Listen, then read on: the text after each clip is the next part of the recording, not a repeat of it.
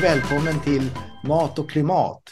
Idag eh, är ämnet jordhälsa och fertilitet i jorden som är så oerhört viktigt för framtidens matförsörjning och dagens matförsörjning. Och vi har besök idag av Janne Lund som eh, är entreprenör inom just matområdet. Janne, kan du berätta lite grann vad du jobbar med? Jag jobbar med att försöka hitta nya proteiner att föda folket med.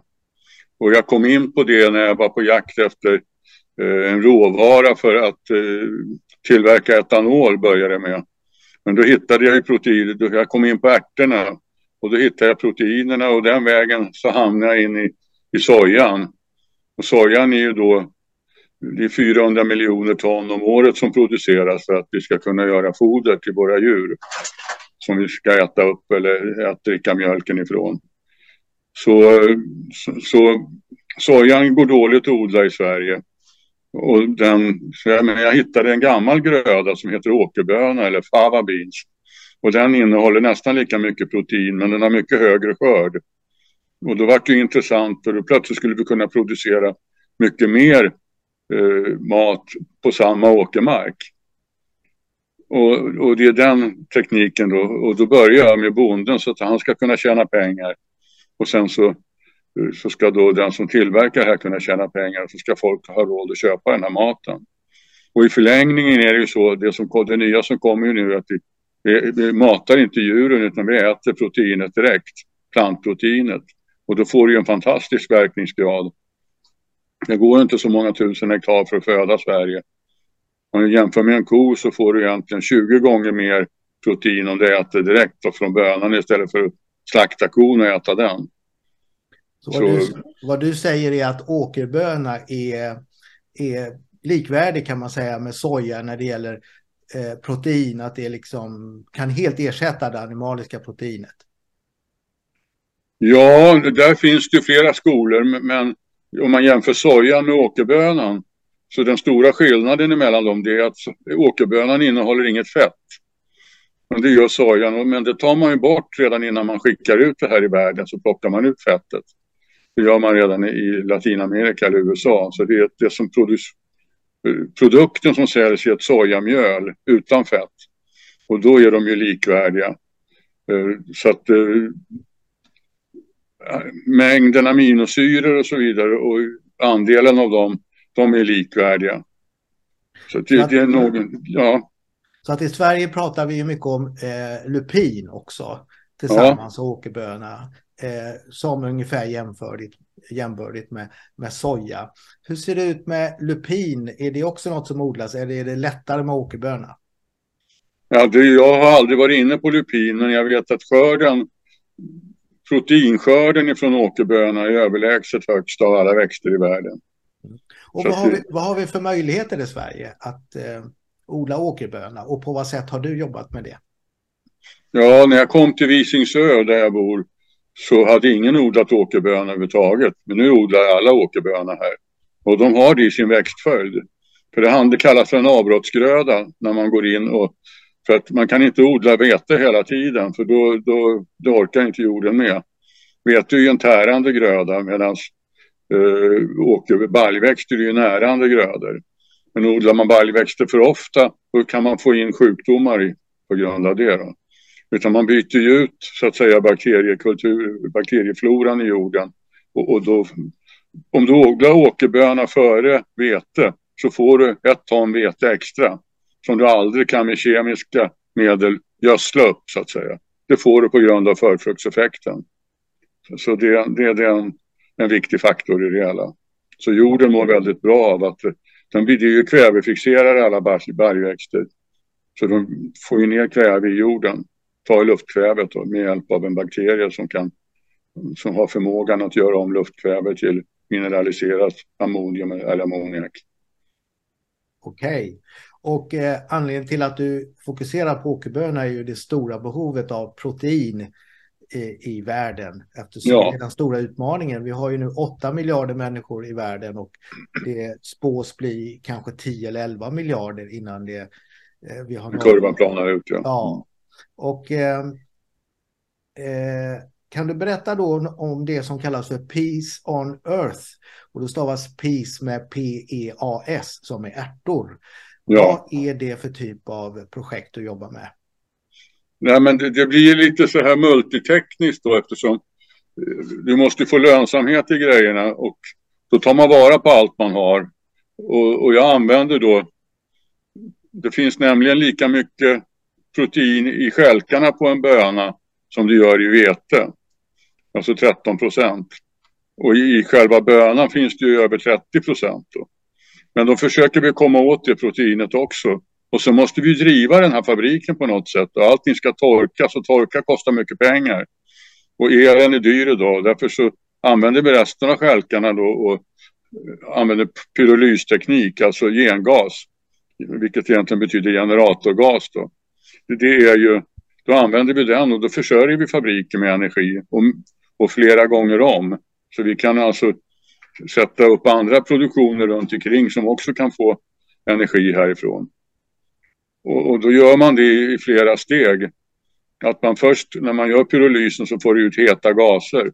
Och de gaserna kan du till exempel använda för att torka med. Men du kan också driva till exempel en Stirlingmotor. Då får du elström till att driva hela fabriken med. Och sen har du ju då vätgasen kvar, själva gengasen. Och den kan du faktiskt driva traktorn med också om du vill. Va? Så det, det, det, det, är liksom, det är det här jag menar med att man, men det gäller att hitta allt det som redan finns innan vi behöver skapa alldeles nya grejer för att klara det här.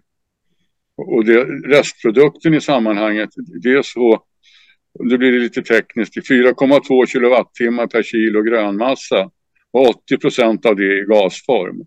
Och tar du ut bara det, då har du kolet kvar och då har du plötsligt fått ett, en klimatkompensationsprodukt. Så det, alltså, för det här är ju koldioxid, kolet kommer ju från luften när växten växer upp. Och sparar du då kolet och gräver ner det, ja, då släpper du ju inte ut det igen. Va? Som om du skulle elda upp halmen bara. Då kommer ju det tillbaka till, men för vi ska ju, det det handlar om just nu, vi måste ju få ner mängden koldioxid i atmosfären. Det gäller inte bara att minska utsläppen, vi måste minska halten. Mm. För nu har vi kommit så långt på vägen så att vi måste stoppa det. Men det är å andra sidan ingen, ingen sån här oöverstiglig grej för atmosfären är inte särskilt tjock. Så det är inte så mycket luft. Och det handlar om koldioxiden står ju för 0,04 procent. Och vi behöver ner till 0,035 ungefär för att komma tillbaka till normalt stadium. Du nämnde pyrolys. Eh, kan du för de som är alla har ju inte hört det begreppet. Kan du förklara Nej. vad det är för något? Ja, det är, det är väl en, en kolmila kan man säga. Man hettar upp det här materialet utan att tillföra syre. Vilket gör att det inte börjar brinna utan det kolar bara. Så kolet blir kvar. Och, och gasen kan du ta hand om då. Så, så det, det, är att man, det är en uh, anaerob. Det finns inget syre med i processen. Och då får du kolet kvar. Så att det är ett det sätt helt enkelt att binda koldioxid i marken. Ja, det kan vi säga. Ja. Men du får ju också energi till det här. Ny energi som du både kan köra bil på och du kan värma hus med och du kan eh, få elström av det. Och allt det där är ju brist på idag. Och det att jag hamnade där, det var för att när vi räknade på det här, gjorde kalkyler på det, så gick det åt väldigt mycket energi. Så det mesta av vinsten gick åt till att betala elräkningen så att säga. Och då tänkte jag, vi har ju en produkt kvar här. Och det är ju då, för att om vi ska plöja ner halmen som man kan göra, då plöjer det också upp rötterna. Va? Och rötterna innehåller då mellan 50 och 70 kilo kväve som de här bakterierna bundit och, och har levererat till, till plantan. Men de jobbar så bra så att det är alltid ett överskott där. Och, och plöjer man upp de här, ja då avgår ju det här kvävet igen i form av NOx, i kväveoxid och lustgas och så vidare. Det, det är ju skadliga växthusgaser så de ska man ha kvar i backen. Det är bättre att ta rätt på halmen och göra något annat av den. Mm. Okej, okay, så att eh, pyrolysprocessen, i, kan du förklara samman eh, kontexten där det är så att säga, an, där man får fram den?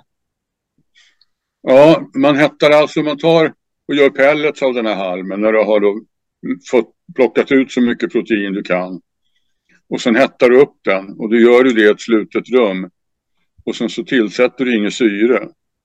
Då avgår gasen och då kan du ta hand om den, den är het och då, den går ju både att värma hus med och eh, du kan eh, eh, så, ja, tillverka elström via en Stirlingmotor till exempel. För den behöver ju inte någon eld utan den behöver bara värme och kyla. Och sen då har du gasen fortfarande kvar som du kan ha som drivmedel. Eller också kan du ju, kan du ju elda den om man oxiderar vätgas, då blir det ju bara vatten. Så det, det, blir ju inga, det, blir, det finns inget kol i det så att säga. Okej. Okay. Så det här är en del i att göra jorden mer, eh, jordbruket mer hållbart. Ja, det är själva plant... energi till jordbruket. Ja, precis. Men, men, först och främst är det ju då själva, vi ska ju ha proteinet, det är ju prios här, det är ju maten vi ska ha. Ja. Och, och det, det här har varit en spin-off-effekt eftersom vi behövde få upp lönsamheten på det hela. Nu har det väl blivit så att det är nästan så att man tjänar mer på halmen än på bönan. Men, men eh, det beror på priserna på protein. Så, men om vi kommer in på livsmedelssidan då är priserna höga så då tjänar man mycket pengar på det här. Men ska man slåss med, med sojan i uh, foderhänseende då är det inte samma lönsamhet. Det är det inte. Det finns ett mellanstadium och det är fisk, alltså man gör fiskfoder. Så det är det vi har testat nu och provat och då har vi ju fått provat de allra känsligaste munnarna vi har i det här landet och det är ju röding och regnbågslax. Och de har käkat det här fodret med god aptit. Så att det, och äter de det så kan alla äta det. Okay. Så att det, är så att säga, grunden till det hela är ju att få ut protein ur bönan. Precis. Eh, Okej, okay. så att producera... Och att få affären att gå ihop. Ja. Världen frågar efter protein. Ja. Eh, och eh, vi idag produceras allt för stora delar av proteinet eh, via att djuren äter växter och sen så äter vi många människor djur. Och det är ett mm. väldigt ineffektivt sätt eh, att producera protein på. Eh, vi kan producera 10 20 gånger genom att odla rätt växter och använda det som mat till människor. Och eh, eh, åkerböna är då något som passar Sverige väldigt bra. Och genom att kombinera odling av åkerbönor och till exempel vete och andra sädeslag så får vi en, en jord med bättre hälsa och vi producerar också mer protein. Stämmer det? Ja, ja precis. Mm. Det gör det. Och eh, eh, du har också ett förslag på att eh, hur vi skulle kunna styra det här politiskt så att vi får eh, eh, går åt det här hållet. Kan du förklara det? Öka förgröningsstödet brukar du tala om. Vad är ja. förgröningsstödet för någonting? För det är något som redan finns. Ja, det finns och 5% av åkermarken får man förgröningsstöd till om man inte använder några kemikalier på den. Och då odlar bönderna som normalt baljväxter och ärtor eller och åkerbönor också då. Och lupin och så vidare som jag har pratat om. För att det behöver inga, du behöver inga gödningsmedel, de gödslar sig själv. Och om man skulle öka det här förgröningsstödet från 5% upp till 15% det skulle betyda att man kunde odla det här var sjunde år. Och det är någonting som passar jorden perfekt. Och då skulle vi också bli självförsörjande på protein.